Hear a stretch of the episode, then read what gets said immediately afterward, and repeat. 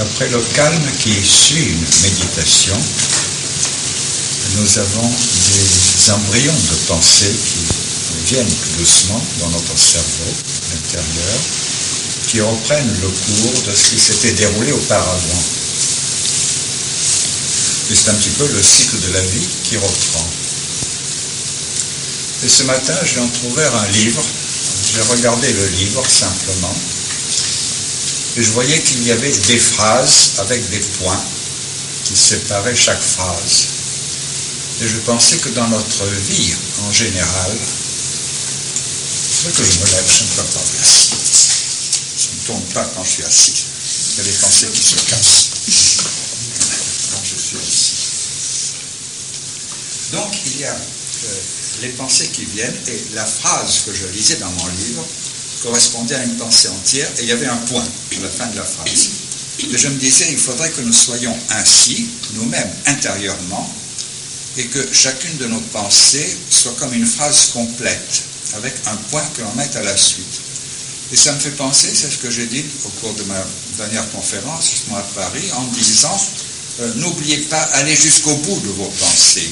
Essayez de fermer le cycle de vos pensées, le cycle de vos actions, afin qu'il ne reste pas à la traîne quelque chose qui se range dans votre inconscient, qui va faire de la poussière, qui va faire des remous, et qui ressortira ensuite et va vous perturber complètement et vous empêchera de voir clair. Donc c'est une question d'ordre intérieur, d'essayer chaque fois que vous le pouvez, ce n'est pas toujours possible bien sûr, mais d'essayer chaque fois d'aller jusqu'au bout de la pensée ou jusqu'au bout de l'action. Et là, vous mettez point. S'il y a quelque chose qui doit traîner parce que vous n'êtes pas maître de toute la situation, vous mettez une petite note sur le côté à prolonger par la suite plus tard. Mais vous êtes libéré intérieurement dans votre cycle de pensée. Et ainsi, vous vivez avec chaque fois une phrase. Et c'est un petit peu l'image de notre vie. Nous avons des événements, des événements qui, chaque fois, viennent, commencent, nous paraissent très importants, et quand ils sont fermés, ne sont plus que provisoires. Et ça s'en va, et on en est libéré par conséquent. Et quand il y a eu plusieurs phrases de fait, euh, nous arrivons à une fin de paragraphe. Et une fin de paragraphe, c'est un petit peu comme les différentes tranches que nous avons dans notre vie. Nous avons des cycles de vie qui nous paraissent importants. Quand on est dedans, on croit qu'il n'y a plus que ça. Et puis on va s'apercevoir qu'il y a un autre paragraphe qui va venir ensuite.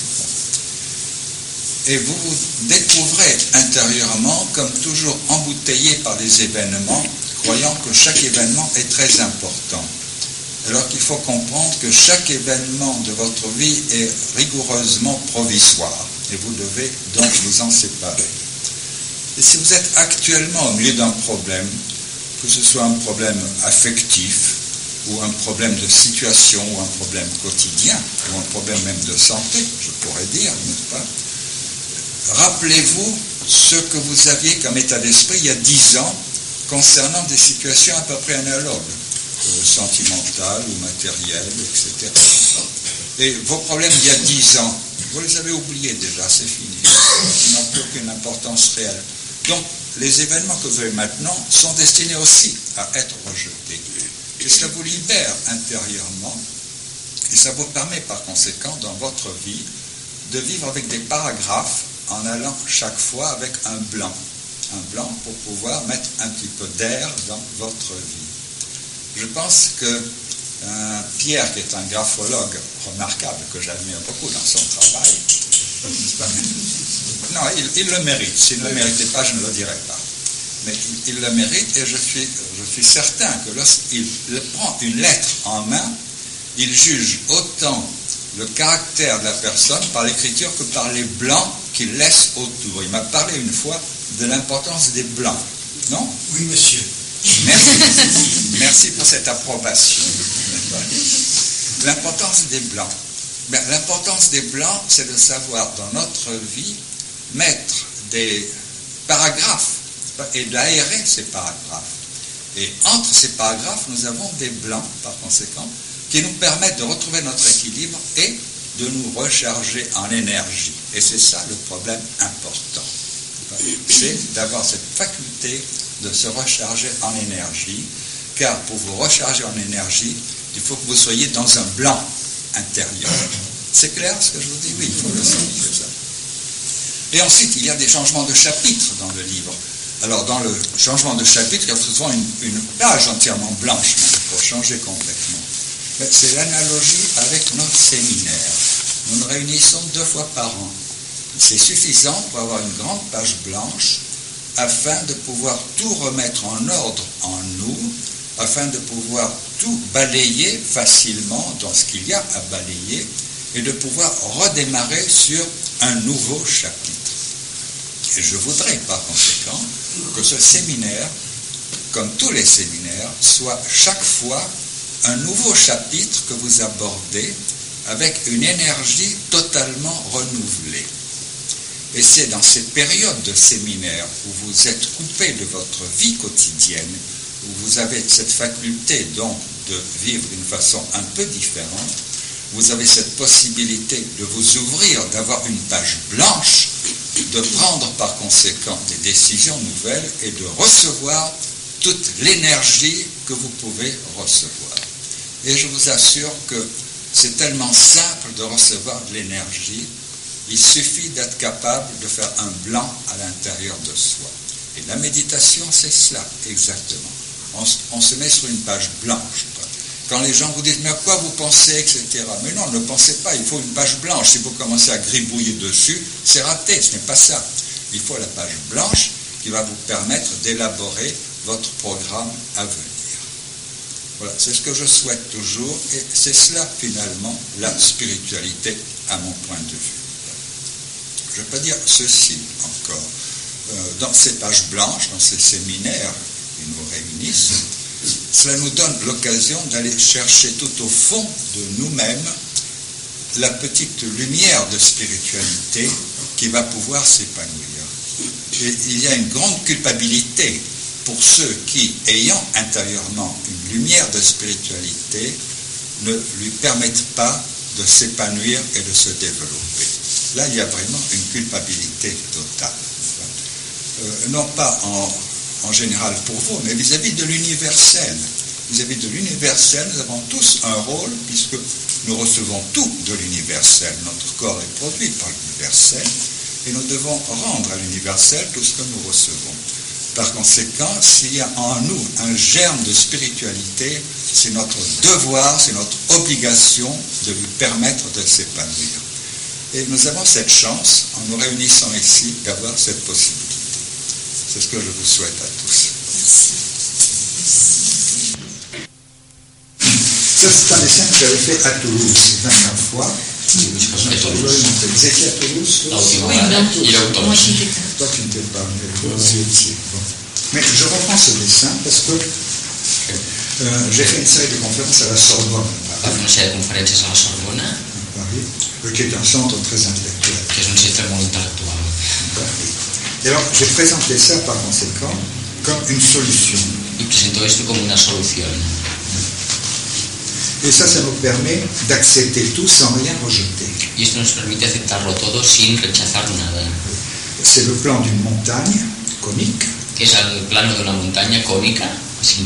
Avec tout en haut la lumière de la connaissance et de la vérité. Y a lo alto la luz del conocimiento y de la sabiduría. Et les hommes sont en bas tout autour. Los hombres están abajo alrededor de la montaña. Et souhaitent aller vers le sommet. Y desean ir hacia la cima. Et qu'est-ce qu'il y a en bas de la montagne? ¿Y qué hay abajo de la montaña? Il y a deux choses, l'angoisse et le désir. Hay dos cosas, la angustia y el deseo. Et nous sommes tous pris par cela. Y todos estamos tomados por esto. Les deux facteurs qui nous poussent à aller vers le sommet, c'est l'angoisse et le désir. Los dos factores que nos empujan hacia la cima son el deseo y la angustia. L'angoisse, c'est un mot général. Es general. Parce qu'elle a des sources multiples. Porque tiene raíces múltiples. Il y a l'angoisse de, de l'infini. Hay la angustia del infinito. Euh, l'angoisse du temps, de la création du monde. La angustia del tiempo, de la creación del mundo. L'angoisse du devenir de l'humanité. La angustia sobre el futuro de la humanidad. L'angoisse de notre propre avenir. La angustia sobre nuestro propio futuro. euh, l'angoisse d'une incertitude permanente dans laquelle nous vivons. la angustia de la incertidumbre permanente en la cual vivimos. Et puis le désir, Y después el deseo, qui est celui de posséder, que es el de poseer.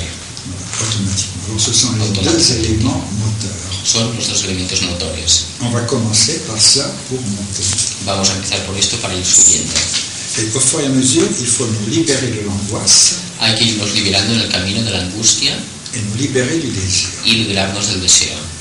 Et alors déjà ça, c'est toute une éducation intérieure qu'il faut avoir. Y a esto es toda una educación interior que hay que tener. Bon, si je parle du sage Marc maintenant, Si hablo del ahora, je peux dire que nous avons tous plus ou moins croyance en la réincarnation dans les vies multiples. puedo decir que todos más o menos tenemos creencias en la reencarnación y en las vidas múltiples Et par conséquent, si nous avons à atteindre le sommet, y por tanto si debemos llegar a la cima, si on n'arrive pas en une vie, on arrivera en deux vies. si no llegamos a una vida, llegaremos en dos, en tres o en cuatro. Tout ce que nous pouvons dire, c'est que nous sommes dans la bonne direction. Todo lo que podemos decir es que estamos en la buena dirección. Arrivera, peu importe. Cuando llegaremos, esto poco importa. L'essentiel, c'est de prendre le chemin et de ne plus le quitter. Lo importante es tomar el camino y no dejarlo ya más. C'est ce que je répète toujours. Es lo que yo siempre repito. C'est le but de toutes mes conférences. Es la- el destino de todas mis conferencias. El objetivo. Prenez le chemin et ne le quittez plus. Tomad el camino y no lo dejéis. Et dans quelle raison on le quitte ¿Y por qué razón lo dejamos? Parce que les gens sont trop pressés. Porque la gente tiene demasiada prisa On s'imagine qu'il va y avoir quelque chose de merveilleux qui va se produire. o imaginan que se va a producir algo maravilloso, Ils vont être portés par des anges que serán liberados por los ángeles et qui n'ont plus rien à faire.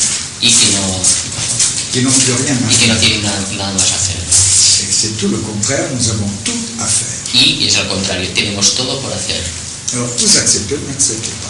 ¿Aceptáis o no lo aceptáis? Si vous n'acceptez pas, restez sur le chemin Si no lo aceptáis, quedad al lado del camino et vous faites partie des déchets. y formáis parte de los desechos. Si vous acceptez de prendre le chemin, Si aceptáis de tomar el camino, vous allez progressivement découvrir des joies. vais progresivamente a descubrir alegrías Et ces joies, souvent, peuvent vous paraître des souffrances vues d'en bas. y estas alegrías a veces pueden pareceros sufrimientos vistos desde abajo. Et je donne l'exemple de l'homme qui grimpe au sommet d'une montagne. Yo os doy un ejemplo de una persona que está trepando a la cima de una montaña. Je voyais pour grimper en haut du Mont Blanc, Para llegar arriba del Mont Blanc, les hommes se réunissent en bas, sont contents. Ah, on va grimper. los hombres se, se reúnen abajo, están contentos, vamos a escalar, Ils vont suer sang et eau pour grimper là-haut, van a pasarlo muy mal para llegar arriba puis ils redescendent. y después vuelven a bajar. Et le lendemain, ils sont comme ils étaient au départ. Y al día siguiente eran igual que eran antes de subir, Mais ils ont en eux la joie de l'avoir réalisé. pero tienen ellos la alegría de haberlo realizado. Et alors moi, si je regarde d'en bas, Yo si lo miro desde abajo, ces hommes qui souffrent, estos hombres que sufren, je dis, oh non, je ne voudrais pas cette souffrance. digo, no quiero este sufrimiento. Mais quand ils redescendent et que je découvre leur joie, Pero cuando ellos vuelven a bajar y veo su alegría, je me dis, il y a peut-être quelque chose que j'ai manqué. me digo, quizás hay algo que yo no he captado. Tout ceci pour dire, donc. Esto es para deciros, tomad el camino.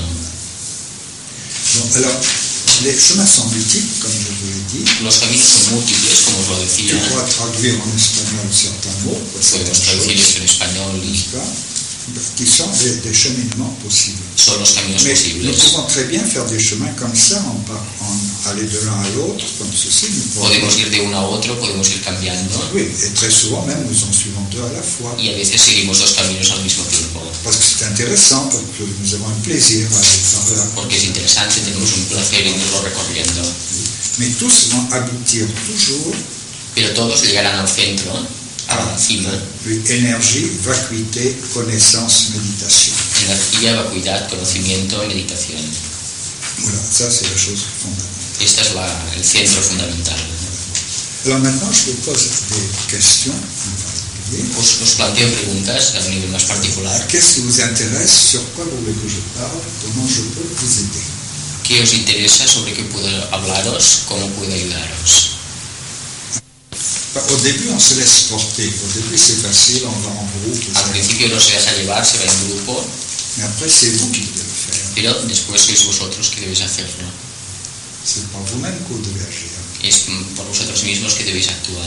Et après, je vous dirai, qui avez-vous aidé encore sur le chemin? Y después aún os preguntaré a quién habéis ayudado en el camino? Je vais plus loin. Voy más lejos aún. Euh, Je vous donne une phrase indienne. Doy una frase india. Que ¿Crees que estás sobre la tierra para descansar?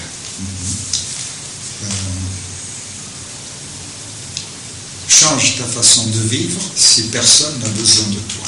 Cambia tu, tu manera de vivir si nadie te necesita. Voilà. Ujú. Alors, pensez à cela. Pensad en esto. Changez votre façon de vivre. Cambia tu manera de vivir si nadie te necesita. Parce qu'à un moment donné, quand on monte en haut de la montagne, dado cuando se gens qui sube hay gente que un poco se va hacia abajo y hay que cogerlos y ayudarlos. Bon, alors question particulière maintenant. Preguntas Allez, particulares. sortez-moi quelque chose. Sortez-moi. Je, je ne peux pas maintenant te donner un conseil, Non. fais ou ne fais pas. Non, No puc donar un non. consell, fes o no, o no? Mais ce qu'il faut, ce qu'il faut, c'est te mettre clairement devant ton problème. A los que On te déjà, certainement. De voir tous les éléments pour, tous les éléments contre. Ça, c'est du point de vue physique. Est-ce que ta santé le permet? Est-ce que les questions d'argent te le permettent la C'est le plan physique. C'est le plan physique qui doit servir de base. Físico que tiene que servir de base. Il ne faut pas que tu partes en esprit de sacrifice ou de dévouement, il faudrait, parce que c'est bon, etc. No tienes que partir con un espíritu de sacrificio, Si de le plan physique n'est pas solide, tôt ou tard, ça tombera. Si el plan físico no es sólido, todo lo demás se caerá. Donc, il faut que tu raisonnes cette chose exactement comme un homme d'affaires.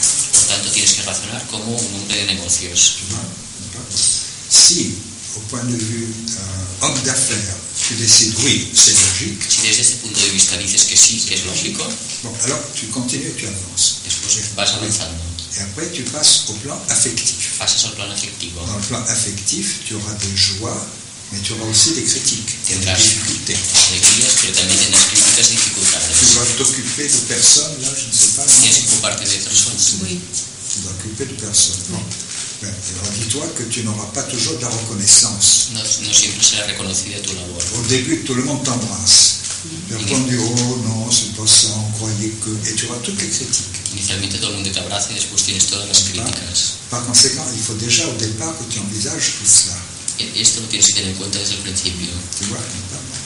Et c'est un piège terrible, parce que si tu t'engages là-dedans, c'est très difficile pour en sortir, una trampa grande porque si empiezas es muy difícil salir à cause des responsabilités morales que tu peux avoir. por las responsabilidades morales que puedes adquirir. Alors, il faut que tu esto.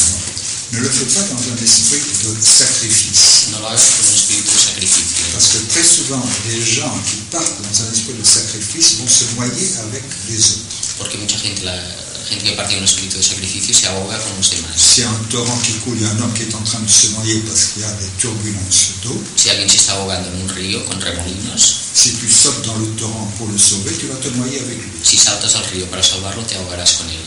Donc, tu vois, à ce moment-là, je te donne un conseil qui paraît épouvantable, c'est de le laisser se noyer. Te doy por tanto un consejo que puede parecer horrible, que es dejar que se ahogue. Tu comprends? Oui. Parce que ta vie sera plus utile si tu es vivant que si tu es. Tu vida será más útil si, eres, si vives que no si Et tu mueres. une action possible ensuite dans la vie quotidienne.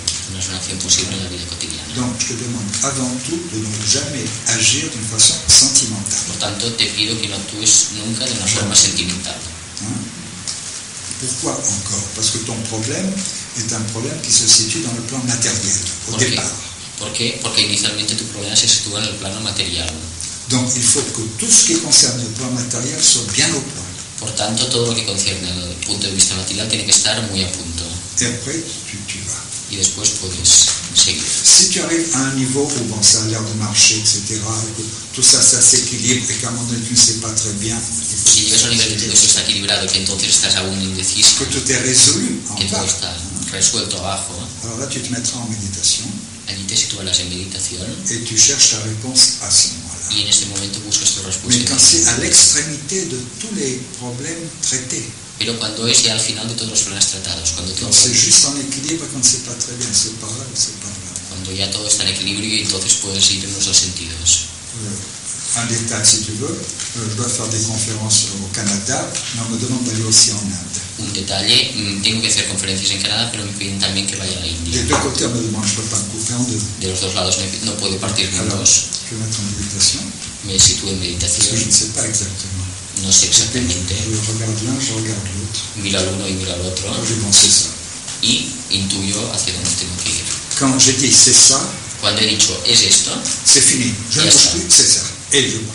es lo que voy a hacer. Ya no Y ya no me planteo dire j'aurais dû, j'aurais pas dû. Tout ça, c'est pas. Ya es cuestión de no replantearlo. Hubiera debido, no? Donc, c'est par la méditation que je vais avoir l'énergie de la décision. Por tanto, es por la meditación que voy a tener la energía de la decisión Et la décision définitive. y de la decisión final, definitiva. Que la. No olvidéis que cuando se ha tomado la decisión no hay que cambiarla. Ça va Sí. Pas de sentiment. Oui, oui. Pas de côté affectif. Ni sentimientos ni La aspecto base es material. Y la base es material. Je ne sais pas si. yo siempre presto interesante por eso, a veces, ¿no? Et là, est est toujours très intéressant de savoir quel est le but. Y si usted me dice que la meta es la vacuidad, Y me un poco frío. il ne comprend pas très bien si tu lui dis que la- le but c'est la ça n- Oui. Porque eh, yo siempre soy una persona muy religiosa, me considero religiosa, il a été toujours une personne très religieuse y he considerado que la meta es llenarse de Dios. et il considère que le but c'est se remplir de Dieu. Oui. Alors il ne comprend pas Bien. très bien.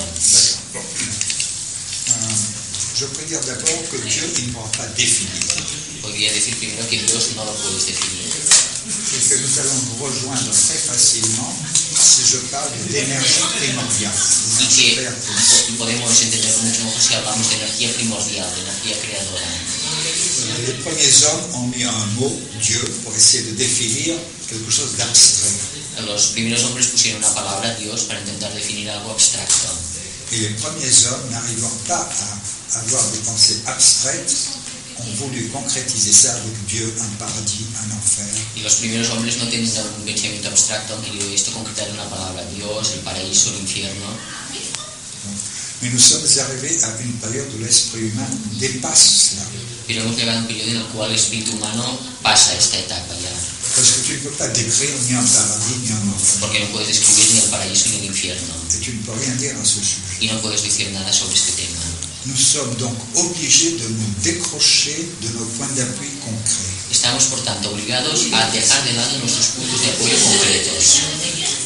Et c'est là que vient l'angoisse, parce qu'on n'a plus de point d'appui. Y aquí aparece la angustia porque no tenemos puntos de donde agarrarnos. Mais il faut cependant le traverser. Pero hay que ir más allá, hay que atravesar esta Parce que c'est etapa, comme un enfant qui devient adulte. porque es como un, un niño que se está convirtiendo en adulto. L'enfant dit Oh maman, papa, il fera tout pour moi. El niño piensa que su madre y sus padres harán todo por él, Comme nous, nous disions que Dieu, il fait tout pour nous. como también pensábamos que Dios lo haría todo por nosotros. Mais l'enfant a grandi et il faut qu'il fasse tout par lui-même. Pero el niño se ha hecho grande y tiene que hacerlo todo por sí mismo. Alors, à quoi arrive-t-il quand il décide de tout faire par lui-même ¿A qué se llega cuando decides hacerlo todo por ti mismo? Trois points fondamentaux. Eh, llegamos a tres puntos fundamentales. Harmonisation avec moi-même, Armonización conmigo mismo, harmonisation avec mon environnement, armonización con lo que me envuelve harmonisation avec l'universel. y armonización con lo universal. Dieu, énergie cosmique, Dios, energía cósmica, llámale como quieras, lo universal. Todo entra en estos tres puntos. Por tanto, hay que trabajar estos tres puntos Et ne pas voir un but à la fin que l'on voudrait atteindre. Parce que nous ne pouvons pas définir un but à atteindre. En astronomie, nous savons, le monde a été créé il y a 15 milliards d'années En astronomía lo sabemos, el mundo se ha creado hace 15.000 millones de años et toutes les données des religions. Y todos los datos de las religiones eh, no tienen sentido frente a esto. on sait que tout sera de nouveau en Big Crush Y, dans environ 14 milliards d'années aussi. y sabemos que más o menos todo se volverá a unir dentro de 14.000 millones de años, desde el punto de vista astronómico. ¿eh? O sea, el Big Bang y el Big... Alors, 14 milliards d'années devant nous, 14.000 millones de años ante nosotros es un periodo Alors que, largo. que l'être humain existe sur Terre depuis 2 millions d'années, Pensemos que el ser humano solo hace dos millones de años que está sobre la Tierra, no más. c'est très peu. Es muy poco tiempo. Donc nous pouvons encore nous transformer en tant qu'être humain dans des états que nous ne connaissons pas. Por tanto, como seres humanos podemos transformarnos en estados que no conocemos. Alors quelle conclusion Quelle conclusion ¿Cuál es la conclusión? Il faut balayer l'angoisse d'un but. Hay que eh, comprar la, la angustia, sí, la angustia de, de un objetivo.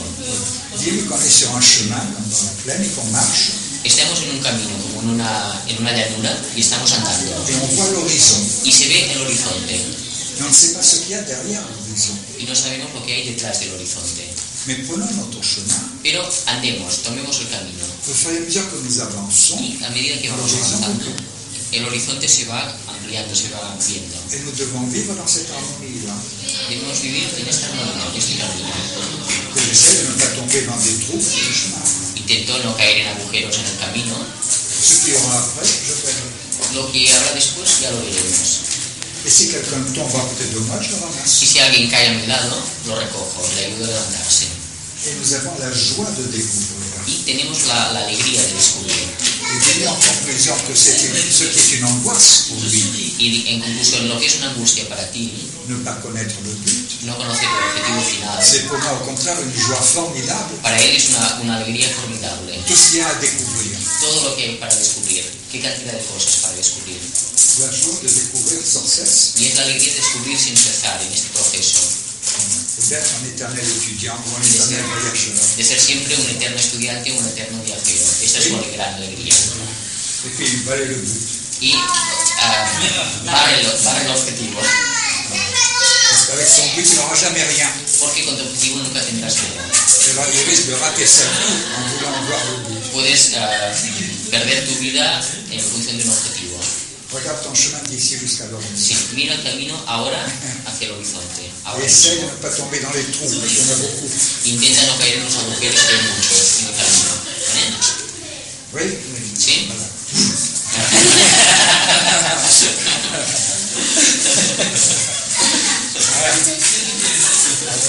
À quelle heure on a là Maintenant, à 2h30, 2h30, oui, c'est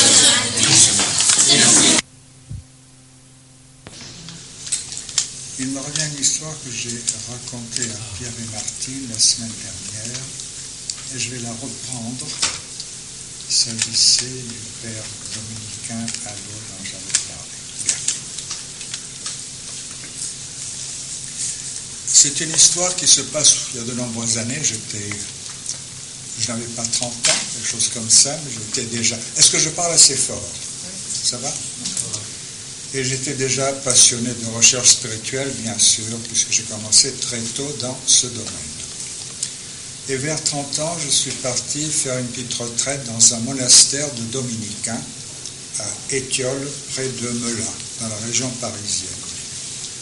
En ce temps-là, ce monastère était plus qu'un monastère, c'était en même temps une université pour les dominicains car on y formait les pères dominicains. C'était une école pour pères dominicains.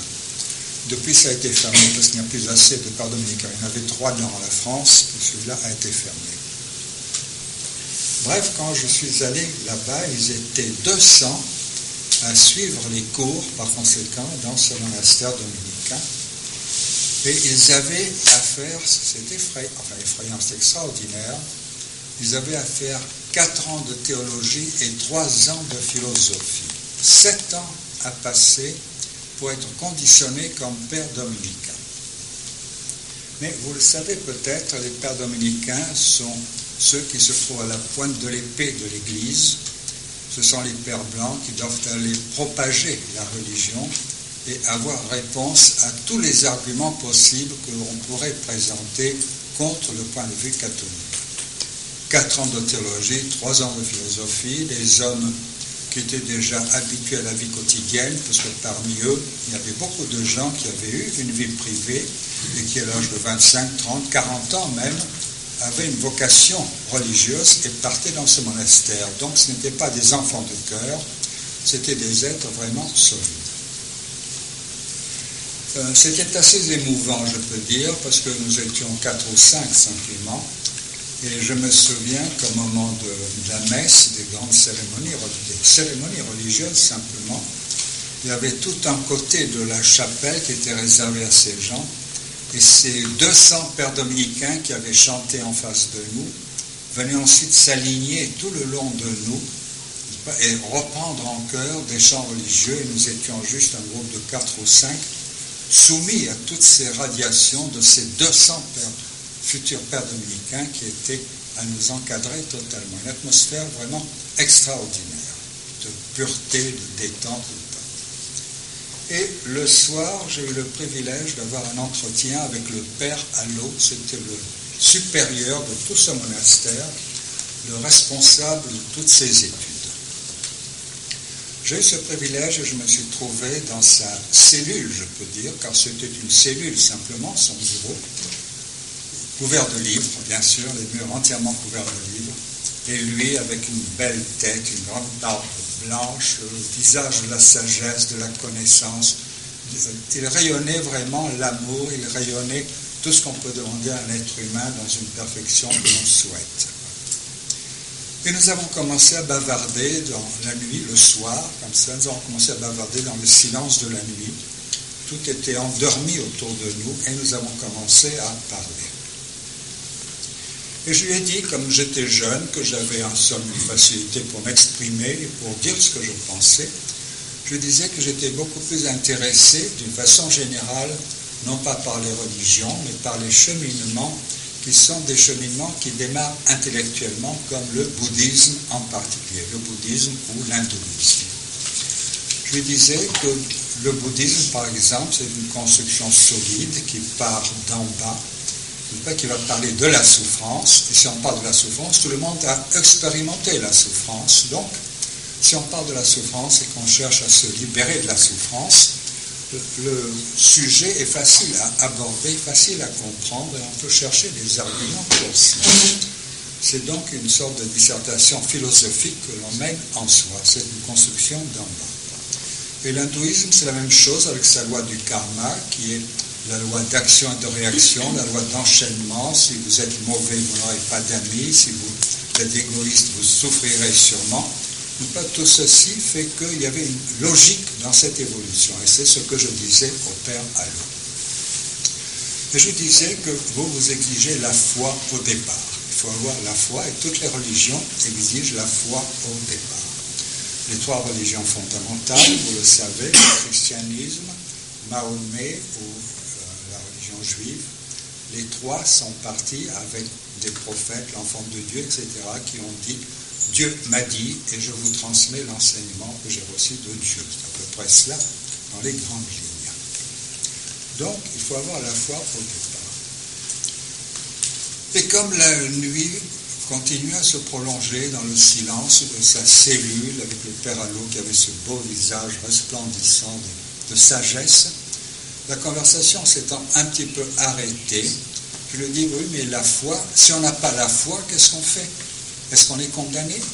Et pourtant, si on a un cœur plein d'amour, pourquoi serait-on condamné parce qu'on n'a pas la foi?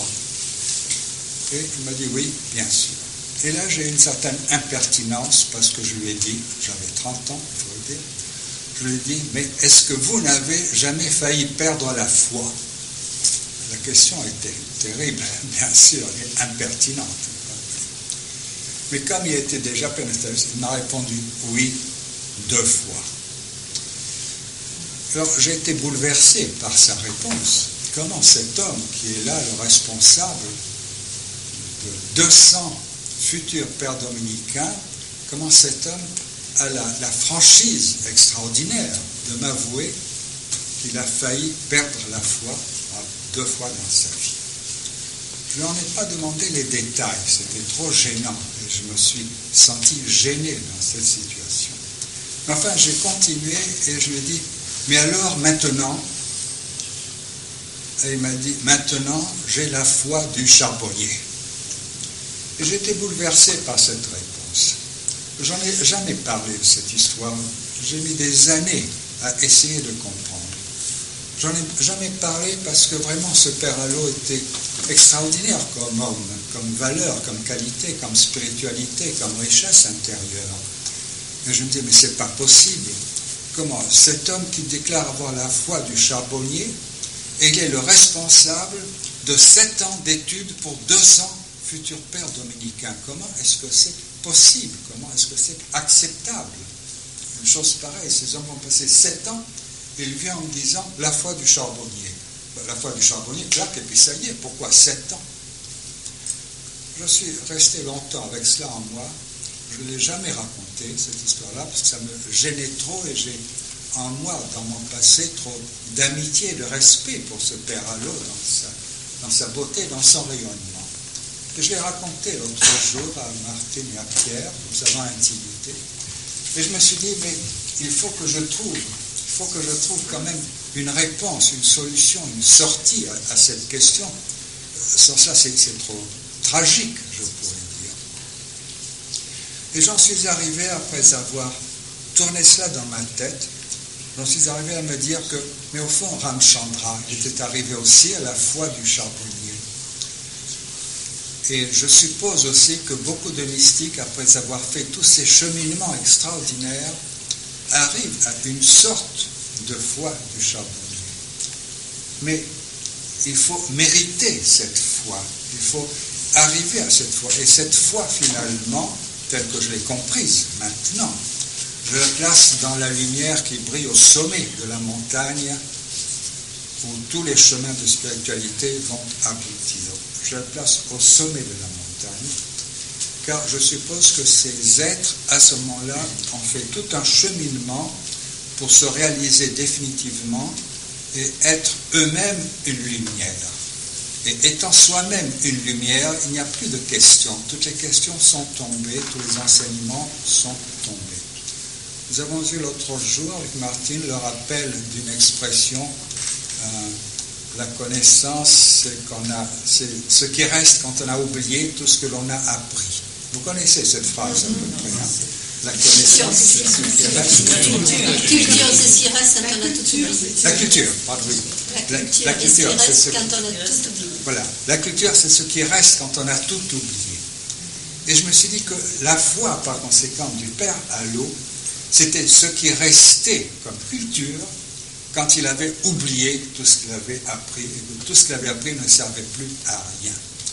Par conséquent, pour nous tous, nous fournissons des efforts pour arriver, pour développer notre spiritualité, pour grimper vers le sommet de la montagne. Mais une fois arrivés au sommet de la montagne, nous, devenons lumière, qu'importe pour nous tout ce que nous avons pu traverser comme chemin pour aboutir à ce point. Et par conséquent, pour le Père Allo, comme pour nous tous, comme pour tous ceux qui abordent les chemins d'une façon religieuse ou pas, je suppose qu'à un moment donné, nous devons arriver sur notre chemin au point où notre culture n'est plus que ce qui reste quand nous aurons oublié tout ce que nous avons appris. Et alors là, nous pourrons dire, si on nous interroge, mais quelle est votre foi? Je crois que personnellement, je souhaite pouvoir répondre comme le Paralo, je souhaite pouvoir dire, j'ai la foi du charbonnier. Et je crois que Ramchandra aurait très très bien pu donner cette réponse également en nous disant la réalisation, c'est que l'on atteint lorsqu'on a oublié tout ce qui concerne l'ego, tout ce qui concerne les plans en dessous. Voilà, je vous ai raconté ma petite histoire.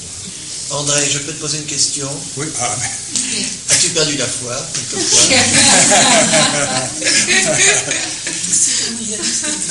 Comme je ne sais même pas ce que c'est que la foi, je ne vais pas la perdre. C'est pour ça que tu en parles. voilà, et c'est pour cela que j'en parle, bien sûr. C'est pour ça que j'en parle et je ne sais pas du tout, je suis loin du sommet de la montagne.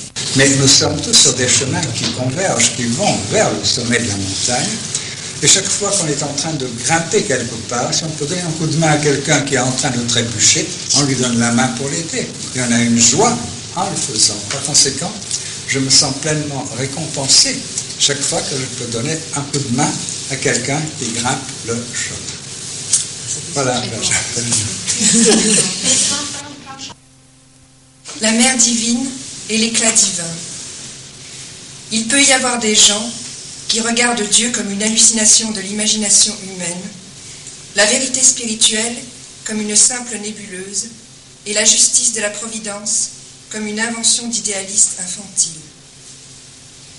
Ils ne supportent pas ceux qui bâtissent des paradis théologiques et qui ensuite les présentent à la ronde avec un air d'être les agents immobiliers de Dieu. Puisque l'homme crée son propre destin par ses pensées, ses sentiments et ses actes, il retire tôt ou tard de la vie ce qu'il a lui-même donné à la vie. Il est malheureux que la plupart des hommes tirent, des leçons de la...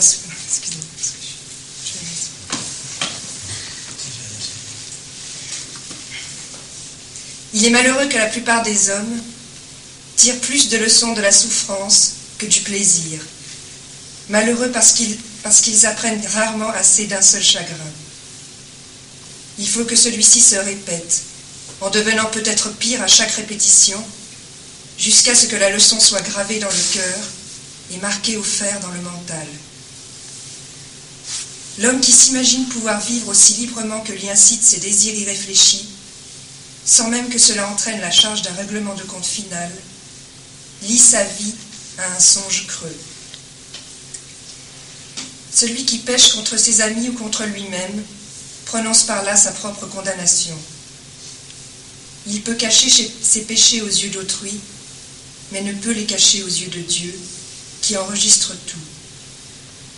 Souvent invisible, la justice mène toujours le monde, même si elle ne se trouve pas toujours dans les tribunaux faits de pierre. Celui qui échappe aux sanctions légales de la terre ne peut jamais échapper au paiement des justes sanctions que Dieu impose. Les forces de l'hiver flétrissent le feuillage des arbres. Pourtant, ce ne sont pas des forces nuisibles. De même, les éléments destructeurs de la nature flétrissent les formes des individus, des nations, des civilisations et des continents, mais quand elles ont perdu leur... des continents, quand elles ont perdu leur utilité et que vient le temps propre à la désintégration. Les spires du karma qui s'enlacent d'elles-mêmes autour de celui qui agit mal sont surtout là comme une conséquence naturelle de ses propres actes et non comme l'ordonnance d'un châtiment. Tout comme la compréhension des trois R, lecture, écriture et arithmétique, d'un enfant, constitue son éducation scolaire élémentaire, de même la compréhension des trois R de réaction, renaissance et rétribution d'un adulte constitue son éducation élémentaire à l'école plus vaste de la vie. Nous sommes à la fois les créatures malheureuses du passé et les créateurs pleins d'espoir de notre avenir. Hérédité, éducation, expérience, karma, le collectif et l'actuel, libre arbitre et environnement, tous ces éléments constituent ensemble à modeler la, forme extérieure et la texture intérieure de la vie que nous devons vivre. Notre existence est à moitié indépendante, à moitié prédéterminée. Toutes les frustrations, chaque sorte d'échec, toutes les déceptions ont lieu pour nous enseigner que notre mode de vie est défectueux. Cela exige un changement d'attitude morale dramatique, une grande renonciation à la, perspective, à la perspective matérialiste et un rapide abandon de l'indifférence spirituelle. La souffrance et le chagrin ne représentent pas l'entière vérité de la vie.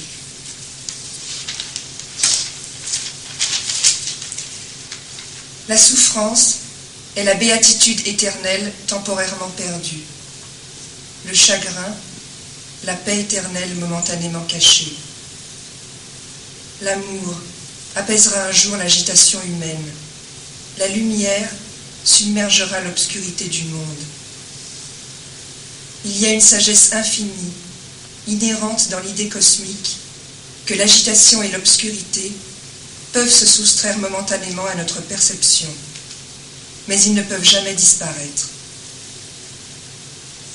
La vie est trop courte pour qu'on la passe soit dans le confort matériel ou dans la stagnation spirituelle. Le monde d'aujourd'hui est notre monastère et les luttes de la vie quotidienne, la discipline monastique. Le sage peut faire de la vie temporelle son ermitage, et ses activités matérielles un moyen de libération. Notre vie est tout simplement une éducation spirituelle. Cultivons la tolérance, car tous se tiennent à différents niveaux de l'échelle. La nature a attendu des millions d'années pour nous faire devenir des êtres humains, et plus encore pour nous rendre parfaits. Que ce soit comme domestique ou comme président de la République, ayant toujours la même disposition intérieure de service. Si nous voulons trouver la spiritualité, nous devons la trouver en vivant dans le monde, sans pourtant appartenir au monde. En d'autres termes, en étant détaché et en y ayant renoncé intérieurement, mais extérieurement, vivant et profitant comme en font les autres, sans être retenu dans nos cœurs par les choses matérielles, ni mentalement emprisonné par elles, mais capable d'y renoncer sur le champ. Connaître Dieu, c'est être Dieu et non pas voir Dieu. Voir implique la dualité. Pour voir Dieu, nous devons découvrir Dieu lié au surmoi dans nos cœurs. Et il est impossible de voir cela sans le devenir. Nos désirs s'apaisent dans le surmoi comme des enfants fatigués se nichent dans les bras de leur mère. Tout effort pour se libérer de la souffrance sans réaliser Dieu est aussi vain que d'essayer de rouler le ciel. L'explorateur qui veut pénétrer dans des territoires nouveaux peu commodes, qui aura à traverser montagnes, rivières et déserts pendant son voyage, devra d'abord, s'il connaît bien son métier, se préparer pour l'expédition en se procurant un équipement adéquat. Celui qui cherche la philosophie cachée et veut pénétrer les nouveaux territoires de la vérité doit aussi examiner la nature et la qualité de ses dispositions personnelles, avant que son esprit s'aventure plus avant dans une activité susceptible, d'éprouver et de tester ses capacités à l'extrême. Lalaji et Babuji ont insisté sur l'importance du caractère, à claque, et même sur les règles de la conversation pour parvenir à notre foyer originel. Qu'il est dur d'abandonner le badinage paresseux de notre vie superficielle et d'amener le mental à un degré aigu de concentration. Ce qui les unit, ce qui détruit les insupportables snobismes de caste et engendre l'union, est-ce quelque chose qui déterminait les princes et les rois à venir autrefois de loin pour consulter les ritchis de la forêt La profonde reconnaissance que la vraie sagesse vaut l'abandon des différences extérieures. Quand par une certaine discipline des sens tournés vers l'extérieur, nous contrôlons le mental, le mental génère un certain pouvoir, pour l'instant latent en nous, appelée intuition. Et c'est seulement avec ces yeux de sagesse que nous pouvons faire l'expérience de la vérité.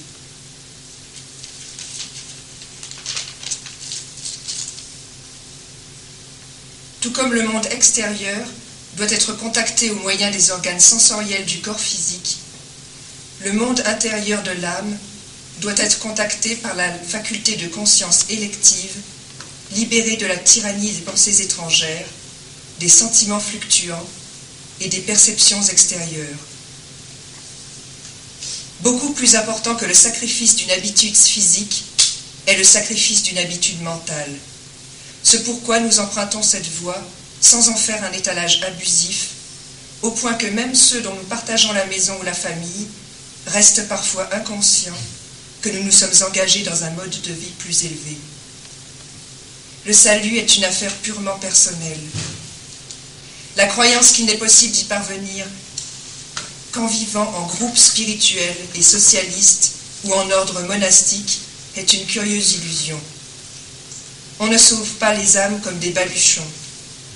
Non, on ne sauve pas les âmes dans des baluchons, disait Emerson. Aussi longtemps que nous préférons persévérer dans l'ignorance spirituelle, nous continuerons à chercher notre chemin à tâtons avec le bandeau du matérialisme sur les yeux. Ce n'est pas le devoir de chaque homme de diriger la nation et de gouverner le peuple.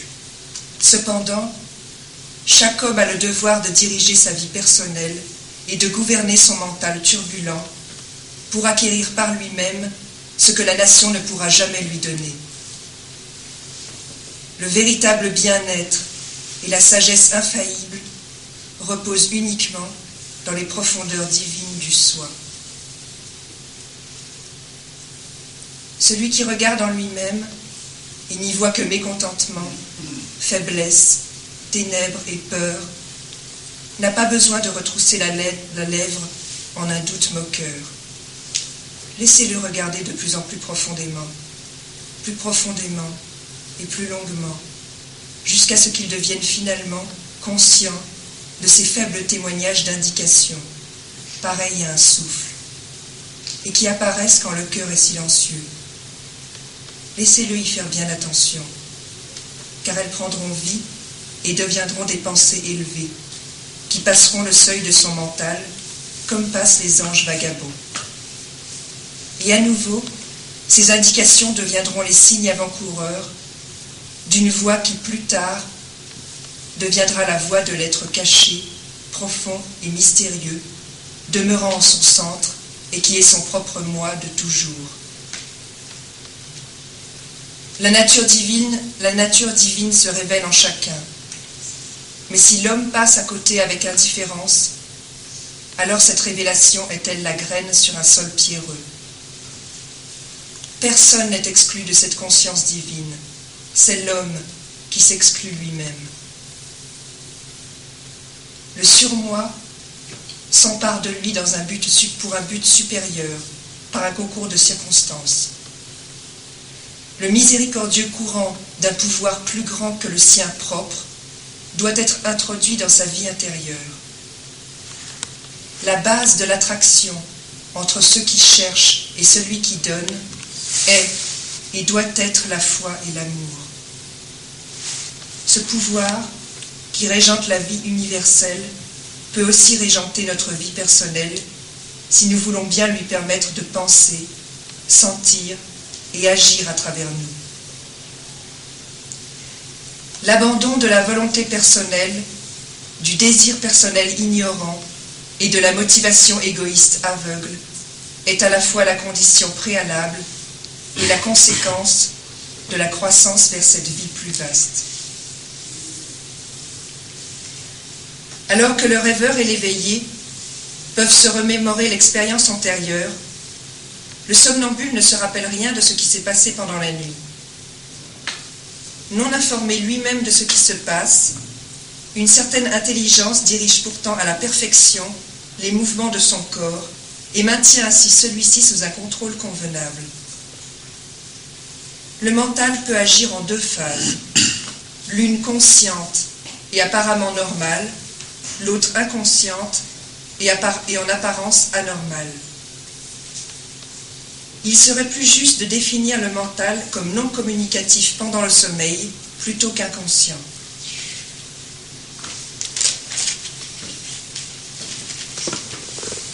La couche la plus profonde du, mental ne dépend pas des cinq sens physiques pour prendre conscience. Il existe un genre d'intuition universellement accordé à l'humanité. C'est une faculté naturelle qui se présente rarement sous une forme pure, mais presque toujours en association avec des désirs, des émotions et l'égoïsme qui brouille les données. C'est ce qu'on appelle communément la conscience, la voix intérieure. Le sommeil est essentiellement la conséquence du fait que la personnalité est temporairement réclamée par son parent divin. Le sommeil nous libère de toutes les peurs et des chagrins qui obscurcissent la vie, mais il nous délivre aussi de tous les espoirs et des joies qui l'illuminent. Des millions d'hommes plongent dans ce genre de sommeil toutes les nuits, mais philosophiquement, ils ne sont pas plus sages le jour suivant.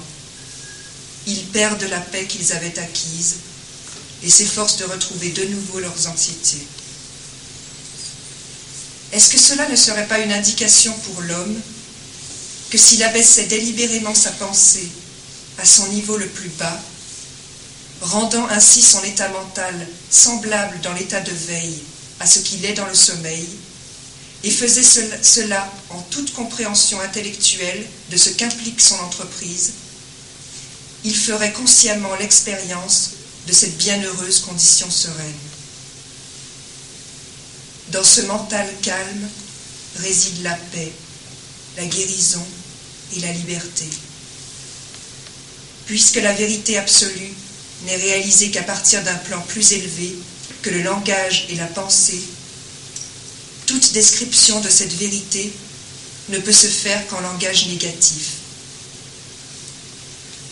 Le mental est simplement retiré pendant le sommeil, alors que dans le samadhi, il réalise une prise de conscience avec l'Atman, tout à fait indépendante du sommeil ou du rêve. C'est seulement dans le silence profond que nous pouvons entendre la voix de l'âme. Raisonner l'étouffe, et trop parler arrête son apparition. Évoquer l'homme réel en vous, c'est évoquer votre intelligence spirituelle.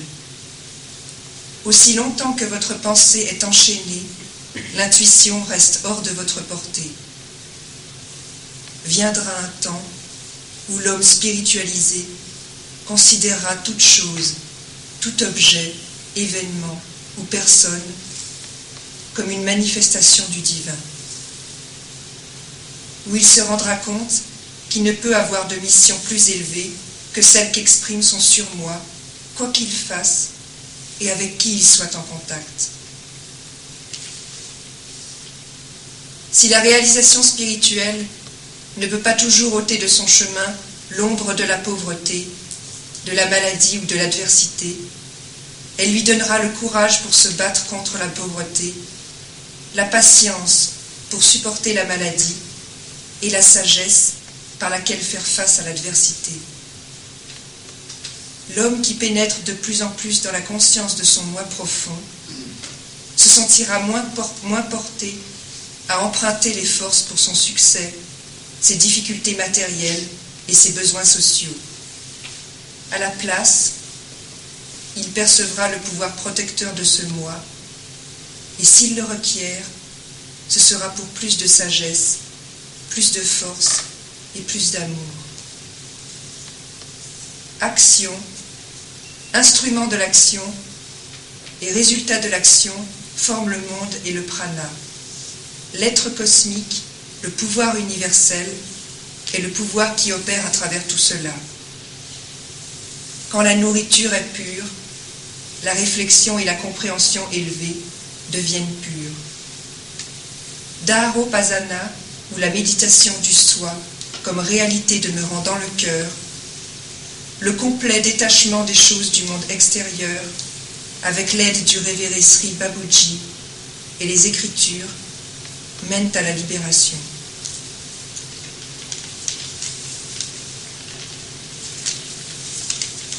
Nous ne pouvons pas penser de passer un seul jour sans un interlude même court de retrait mental de nos activités personnelles et de nos activités temporelles.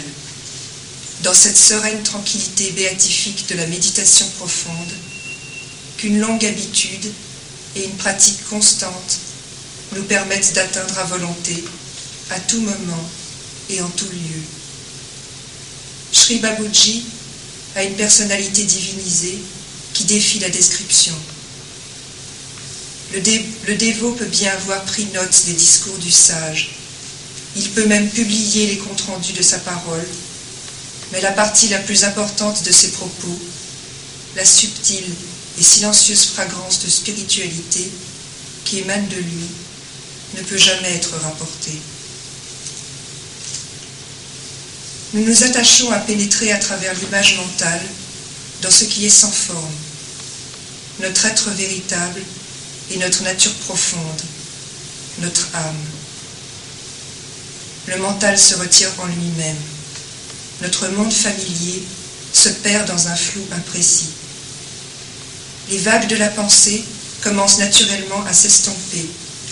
L'activité de sens logique et rationnel glisse vers le point zéro. Le temps semble se se dévider vertigineusement tandis que les antennes de notre intuition, qui augmentent rapidement, s'étendent dans l'inconnu. Les messages de nos sens physiques ne sont plus entendus, perçus ou mémorisés. La pensée s'éteint comme une chandelle que l'on mouche. L'intellect se, l'intellect se replie sur sa base réelle, c'est-à-dire la conscience qui œuvre sans être dérangée par les pensées. Le mental prend son essor dans une source transcendantale.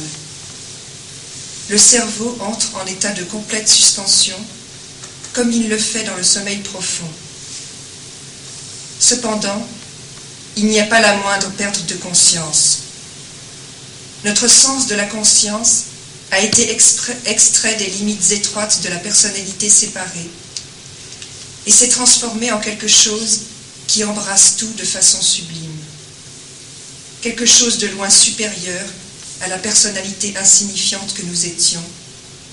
Un être plus profond et plus divin s'élève dans la conscience et devient nous.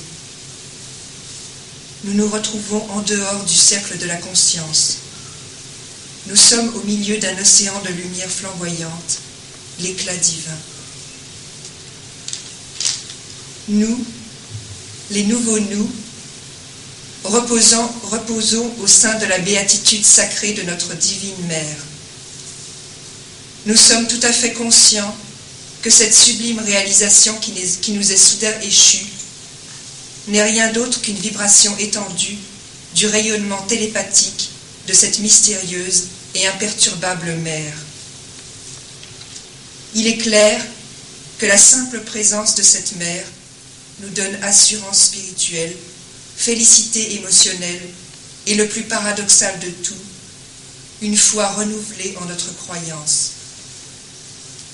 Nous avons bu la coupe platonicienne du l'été. Ainsi, les souvenirs amers d'hier et l'inquiétude angoissée du lendemain ont complètement disparu. Nous avons acquis une divine liberté et une félicité presque indescriptible. Nous sommes sublimement apparentés et un être supérieur, la Mère divine, nous allait comme une autre mère. Dans nos moments de sagesse, nous pouvons vivre cela.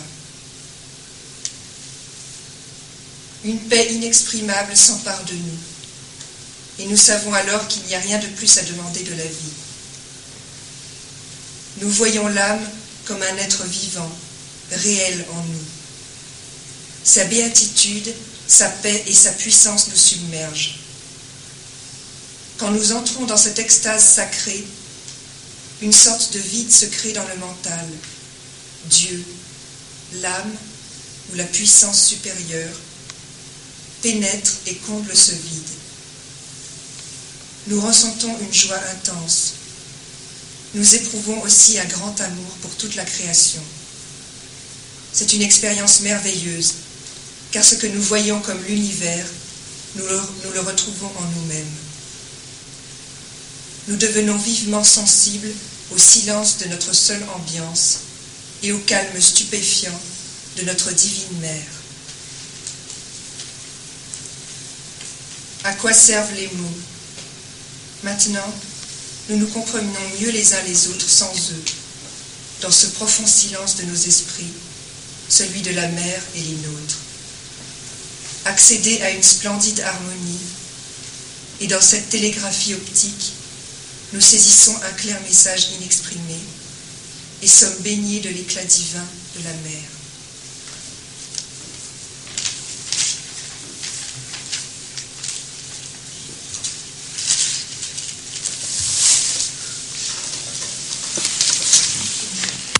D'autres qui nous ont paru bien, celui-ci est il est difficile à lire, vous savez pourquoi Parce qu'il y a les corrections qui ont été faites et nous n'avons pas eu le temps de, le mettre au propre. C'était très difficile pour Rose de le. C'était très difficile. Et c'est un texte magnifique, évidemment, il est un peu long et peut-être un peu indigeste comme ça à première vue. Mais vous l'aurez, tous ceux qui, euh, qui qui veulent avoir les feuillets, il est compris dans ces 40 pages que vous recevrez. D'accord? Il y a d'autres textes qui sont aussi magnifiques aussi. Je suis allée euh, cet été à cette rencontre de jeunesse internationale à Częstochowa en Pologne, qui a eu lieu depuis 1984, euh, tous les ans. Il y a une rencontre de jeunesse. Et il me semble que cette dernière a été particulièrement importante par le nombre de personnes qui ont participé. Il y avait 2 millions de jeunes de 70 pays qui se sont rassemblés quelque chose d'extraordinaire. Et ces réunions avaient commencé, donc, comme je dis, en 84 à Saint-Jacques-de-Compostelle. Et le pape a dit, eh bien, nous avons commencé nos réunions tout à fait à l'ouest de l'Europe. Aujourd'hui, c'est la première fois que nous nous rencontrons dans l'Europe centrale. Et il y avait comme une suspension, qui sait où on se rencontrera, peut-être encore davantage à l'est, la prochaine fois. Mais ça, il ne l'a pas développé, évidemment. Néanmoins, la semaine d'après, il y a eu cette histoire du, du et ainsi de suite. Il y avait plus de 1000 Russes qui étaient venus là-bas. Ils nous ont raconté qu'ils avaient eu beaucoup de difficultés pour parvenir jusqu'à cet endroit. Le voyage était très pénible, ils avaient eu beaucoup de difficultés pour pouvoir venir, mais néanmoins ils sont venus. À la frontière, on les avait arrêtés pendant trois jours, on leur a tout pris tout ce qu'ils avaient en double. Tout ce qu'ils avaient en double, on leur a pris. S'ils avaient deux t-shirts ou deux chemises de nuit, on leur a pris la, deuxième. On leur a pris aussi tout l'argent. Enfin, ils étaient néanmoins heureux d'être là. Et puis, on leur a dit, mais la prochaine fois, quand vous viendrez, oh, ils nous ont dit, ce ne sera pas possible la prochaine fois parce qu'il y a eu trop d'adversité. Il y a eu trop de difficultés à vaincre pour arriver, pour parvenir jusqu'ici. Et la semaine d'après, il y a eu ce renversement des choses dont nous n'avons pas eu l'idée à l'époque. Alors, il y a une première chose, cette chose-là, tous ces jeunes qui étaient rassemblés. Imaginez-vous sur un endroit aussi petit, enfin restreint, puisque tout le monde voulait être le plus près possible de l'endroit, mais ce n'était pas possible. Nous étions 2 millions.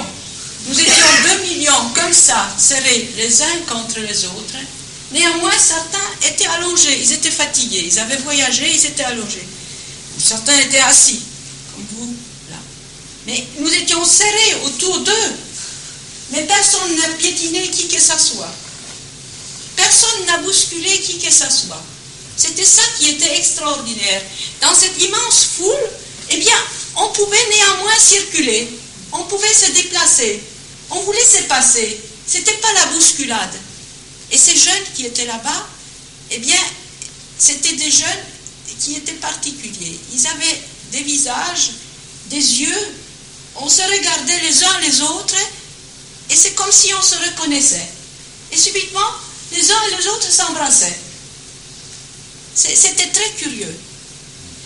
Ce que le pape a dit maintenant, alors vous vous imaginez cette, foule immense, 2 millions, serrés comme ça, subitement il y a quelqu'un qui est couché.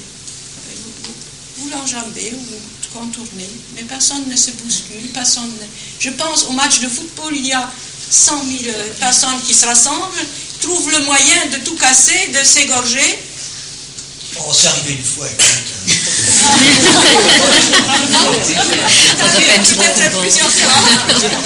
Mais c'est comme s'il y avait deux humanités, vous voyez. Alors, lorsque vous êtes dans... Alors, ce qu'il y avait aussi, c'est par exemple le, service d'ordre, parce qu'évidemment, il y avait un service d'ordre qui était là, qui était composé des miliciens, des, des policiers, et ce service d'ordre, évidemment, le recrutement, ils étaient là probablement encore de l'Ancien Régime.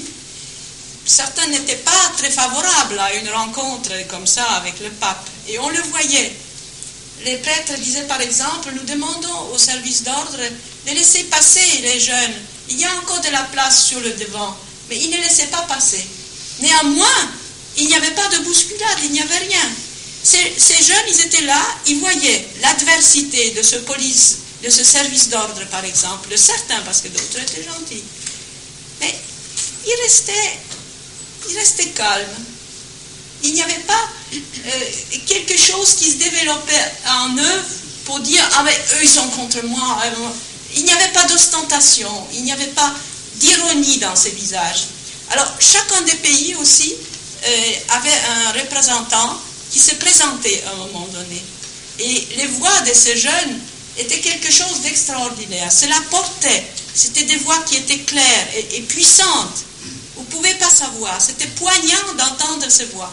Alors quand on parle des chakras, d'ouverture des chakras, je ne sais pas où le chakra avait été ouvert, mais ces chakras de la gorge étaient certainement ouverts. Je ne sais pas par quel miracle. Nous faisons un tas de trucs, de yoga, de ceci, de cela. Et les, chakras restent parfois fermés. Mais eux, je vous assure, ils ont vécu de telles épreuves que, que leur chakra était ouvert. Mais c'était quelque chose de magnifique. Et alors, ce qui est aussi la façon dont nous avons été reçus, nous, je dis euh, moi, mais aussi les autres, parce que la famille qui m'a reçu, il y avait déjà deux autres personnes. Ils avaient dit, nous pouvons recevoir trois personnes pour les loger, pour les nourrir, pour qu'ils se baignent, pour qu'ils se lavent. Bon, alors nous étions trois. Et puis alors, 10 heures du soir, on sonne à la porte. Trois Russes qui se présentent. Ah, on nous a dit qu'on devait venir ici pour loger. Ah oui. Alors, ils étaient un petit peu embarrassés dans un premier temps parce qu'ils avaient déjà leur quota de toits. Mais ils ont dit, bon, venez, venez, rentrez. Ils leur ont donné à manger. On a trouvé tous la place pour se loger, pour se coucher, pour se couvrir. Et alors, ce qu'il y avait de, plus extraordinaire, ensuite, en partant, aussi bien là où j'avais laissé ma voiture, parce qu'on m'avait dit, vous savez, avec les voitures, il faut faire attention, on vous vole les roues, on vous vole les essuie-glaces, ceci, cela. J'avais trouvé dans un jardinet, il y avait un petit jardinet, parce qu'on ne pouvait pas rentrer à l'intérieur de la ville. Les gens ont dit, bon, oui, mais vous pouvez poser l'autre voiture à l'intérieur. Mon mari a coupé l'herbe hier, comme ça les gens peuvent rentrer. Si vous voulez mettre une tente, d'ailleurs ensuite il y avait des jeunes qui sont venus, qui ont posé leur tente. Il y a des jeunes qui ont posé leur tente dans, dans différents endroits, dans des jardins de particuliers, qui, ont dit, bon, oui, vous pouvez rentrer, oui, oui. Et alors, nous étions donc trois chez ces personnes, plus les trois Russes. C'est pour ça que j'ai eu cette occasion aussi de parler avec les Russes, ce qui était très intéressant. Autrement, évidemment, dans cette grande foule, je n'aurais peut-être pas trouvé parmi 2 millions trouvés les 1000, Et ces gens-là, on ne peut pas dire qu'ils étaient dans le dénuement. Ils avaient trois pièces, mais des petites pièces. Mais ils n'ont pas voulu recevoir un sou. Mais alors, ils avaient une fille qui est informaticienne à Paris et ils devaient aller voir leur fille dans deux semaines. Alors, je lui ai dit, mais si vous avez besoin de cet argent, prenez donc. Parce qu'on m'avait tellement dit en France, les amis polonais, vous savez, quand vous irez là-bas, il faut. C'est très cher, c'est très cher, c'est très cher, il faut amener de l'argent, il faut amener de l'argent parce que tout est terriblement cher. Alors j'ai amené tout ce que j'avais, un peu de dollars, un peu de marques, un peu de traveler chèque, tout ce que j'avais, franc français. Et je n'ai rien dépensé, ils ne voulaient pas, aussi bien les gens où j'avais laissé ma voiture que les autres. J'avais un peu de chocolat. Alors je leur ai donné un peu de chocolat.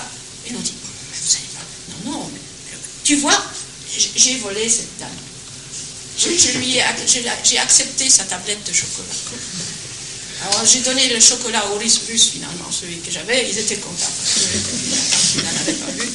Mais pour vous dire, et alors je leur ai dit, ils m'ont dit, mais écoutez, si nous voulons un monde nouveau, si nous voulons un autre monde, il faut que nous commencions. Il faut commencer. Eh bien, quand on viendra chez vous, on ne va pas payer. Alors, il n'y a pas de raison que vous, vous nous donniez quoi que ce soit. D'autre part, encore un mot euh, sur, sur le pape.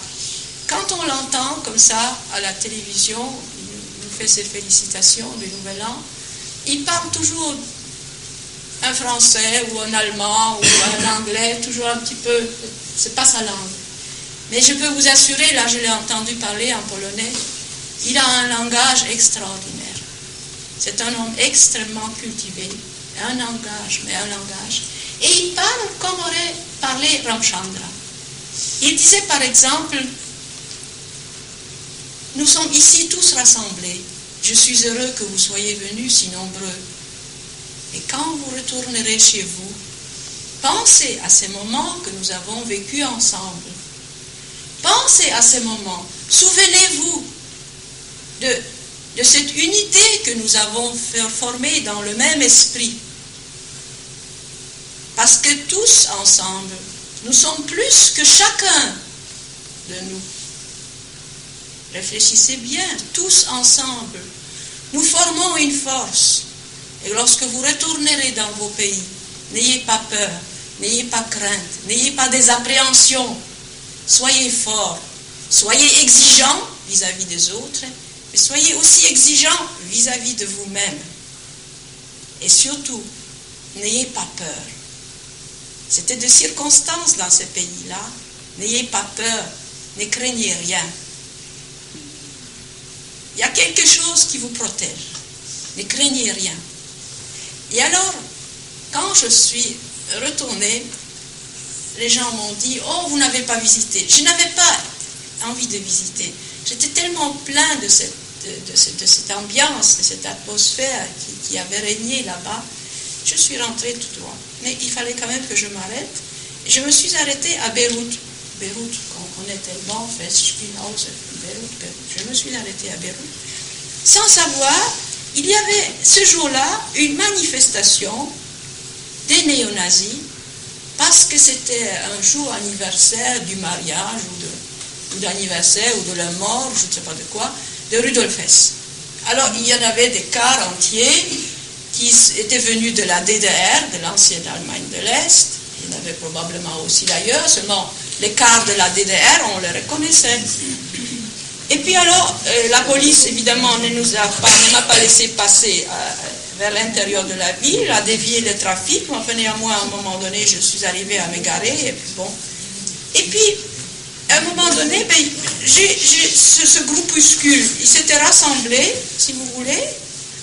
Finalement, ils étaient 150 ou 200, quelque chose comme ça. Mais alors, vous savez, des, extrêmes des visages des bêtes. Alors pour se distinguer, certains s'étaient mis des épingles de nourrice là dans les oreilles, machin écouté, des trucs bizarres euh, là. Euh, des crêpes de, de, de coq de machin. Les filles étaient pires que les garçons encore. Ils avaient un drapeau qui venait de Hohenzollern, vous savez, les anciens de plus. Euh, ils avaient des canettes de bière, ils buvaient ça, des bouteilles. Après, ils les jetaient avec le plus de fracas possible. Pourquoi on les appelle les néo-nazis? Je n'en sais rien. Parce que les nazis, encore, on en a vu assez en Pologne, ils étaient propres et nets. Mais ceux-là Et c'était vraiment, dans leur volume même du corps, c'était les extrêmes. Ou ils étaient maigres, ou ils étaient gros. Mais alors, c'était une autre humanité. Moi qui venais d'avoir vu ces jeunes avec des visages d'anges, et cela, c'est pour cela, lorsque... Mais je suis sûre, par exemple, que celui qui a écouté la télévision ou les journaux, eh bien, il a certainement lu davantage de ce rassemblement, de ce petit groupuscule de, gens qu'il faudrait même pas regarder, que de ce rassemblement de 2 millions de jeunes de 70, de 70 pays. Hein? C'est incroyable. Les médias dont nous filtrent les informations, ils nous filtrent toujours des choses euh, violentes, qui sont, qui, sont, qui sont les plus basses. Et je pense que ce que j'ai tiré là-bas, encore comme leçon euh, mais j'avais déjà cet esprit-là dans ma tête auparavant, parce que je suis aussi passée par beaucoup d'adversités dans ma vie. Eh bien, ces jeunes-là qui étaient là-bas, eh bien, ils ne s'attachaient pas aux adversités, ils ne s'attachaient pas à ce qui était négatif. Le service ordre, il était là, il les empêchait de passer, ils étaient là. Si à un moment donné, ils pouvaient passer, et encore, ils ne se bousculaient pas, bon, c'était comme ça, on acceptait la situation, même les mauvais côtés de la situation, mais on ne s'apesantissait pas sur ces mauvais côtés. Et là aussi, il me semble, lorsque nous nous, nous sommes bombardés de mauvaises nouvelles constamment, c'est bien, eh bien c'est pour nous préserver que nous ne devons pas y prêter trop d'attention. Parce que ça nous bouffe aussi. ça, ça, ça, existe, mais on ne s'en occupe pas. On s'occupe des choses positives, on s'occupe des bonnes choses. Pourquoi perdre notre temps à, cette, à cette, comme on dit, ce fumier? C'est pas la peine. C'était merveilleux. Dans tous les cas, c'était quelque chose de merveilleux. Pourquoi j'y suis allée? Évidemment, euh, je suis allée dans euh, surtout pour transmettre. Parce que dans le premier tome, celui que vous avez en main, euh, Ramchandra dit que partout où des gens se rassemblent dans un but spirituel, eh bien, nous pouvons y aller et transmettre. Et cette transmission était si forte, cet appel, que parfois, là maintenant, quand je pense à cet endroit et que je transmets à l'endroit même, parce que tous les gens qui y sont allés, dans leurs souvenirs, il y a aussi cet endroit encore. Il me semble que je suis déchirée tellement cet appel de, transmission est fort. J'ai dit à, aux je, dis, je regrette que personne d'autre ne soit venu avec moi pour porter cette charge de, de transmission, parce que vraiment un appel extraordinaire. Et surtout ces gens qui, se reconnaissaient en, se regardant. Il n'y avait plus question. Il y avait aussi tous les dignitaires euh, de l'Église euh, catholique russe, le grand patriarche de Moscou, tout ça. Ils étaient là. Et euh, le grand patriarche de Moscou a célébré la messe une fois que le pape s'était envolé le matin du 16. Et je ne sais pas comment, je me suis trouvée comme ça, tout à fait à côté de là. Enfin, je me suis trouvée parce que je suis allée sans que personne m'en empêche, alors je me suis approchée, approchée. Et puis ensuite, quand il, a, eu, quand il a distribué l'hostie, ben, j'ai reçu l'hostie du, grand patriarche de Moscou, qui sont habillés dans une pompe avec un luxe extraordinaire. C'est beaucoup, beaucoup plus fort que, que ce qui est dans, dans l'Église catholique. C'était un patriarche. Oui. Oui. Tu, tu, as communié avec une hostie. Et pas avec du pain et le Non, non c'était pas un orthodoxe. Non, non, c'était pas un orthodoxe. Ils avaient des récipients en or dans lesquels il y avait l'hostie, puis il y a l'assistant qui avait l'assiette, donc aussi en or, qui dit là. Euh, et, et, cet homme, au début, il était là comme ça. Quand, quand je suis arrivée, je l'ai vu assis, il était là. Il avait des tics parce qu'ils ont subi beaucoup de persécutions, ces gens-là. Il ne savait pas, cet homme non plus. Il y avait toute une rangée de dignitaires là. Et il ne savait pas certainement comment ça allait se passer à son retour. Comme ça. Puis je lui ai transmis du calme, du calme. Et alors, à ce moment-là, on lui avait donc déjà enlevé son, son grand euh, sceptre là. Et Ensuite, je ne sais pas, il l'a réclamé probablement encore une fois. On le lui a remis encore une fois. Il se levait, il a pris son sceptre, parce que quand il s'avance pour parler, il prend son sceptre. Enfin, c'est grand. Il s'est avancé encore une fois, parce qu'au début, il avait très peu dit quelque chose. Il s'est encore avancé sur le devant. Et puis alors, à ce moment-là, il a parlé à nouveau en disant Je suis content que vous soyez venus si nombreux de notre pays. Mais il parlait en polonais, en polonais un petit peu cassé, mais enfin quand même en polonais. Et euh, il, n'avait plus ça. C'est comme si elle avait gagné une, une énergie forte, euh, plus, plus puissante. C'est excès. Enfin, voilà.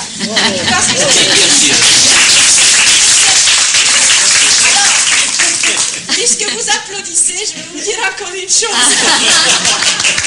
non, non, c'est pas pour les applaudissements. C'est pas pour les applaudissements. Euh, là-bas, il y, avait, il y avait une telle communion des jeunes. Parfois, le pape disait quelque chose qui soulevait l'enthousiasme des jeunes. Ils ne pouvaient pas faire autrement, ils applaudissaient. Et alors, euh, ça c'était le premier jour, c'était le 14, et le 15, vers midi comme ça. Chaque fois qu'il disait quelque chose, alors il a dit à un moment donné, il disait, mes chers amis, vous savez, vos applaudissements ne pourront pas m'aider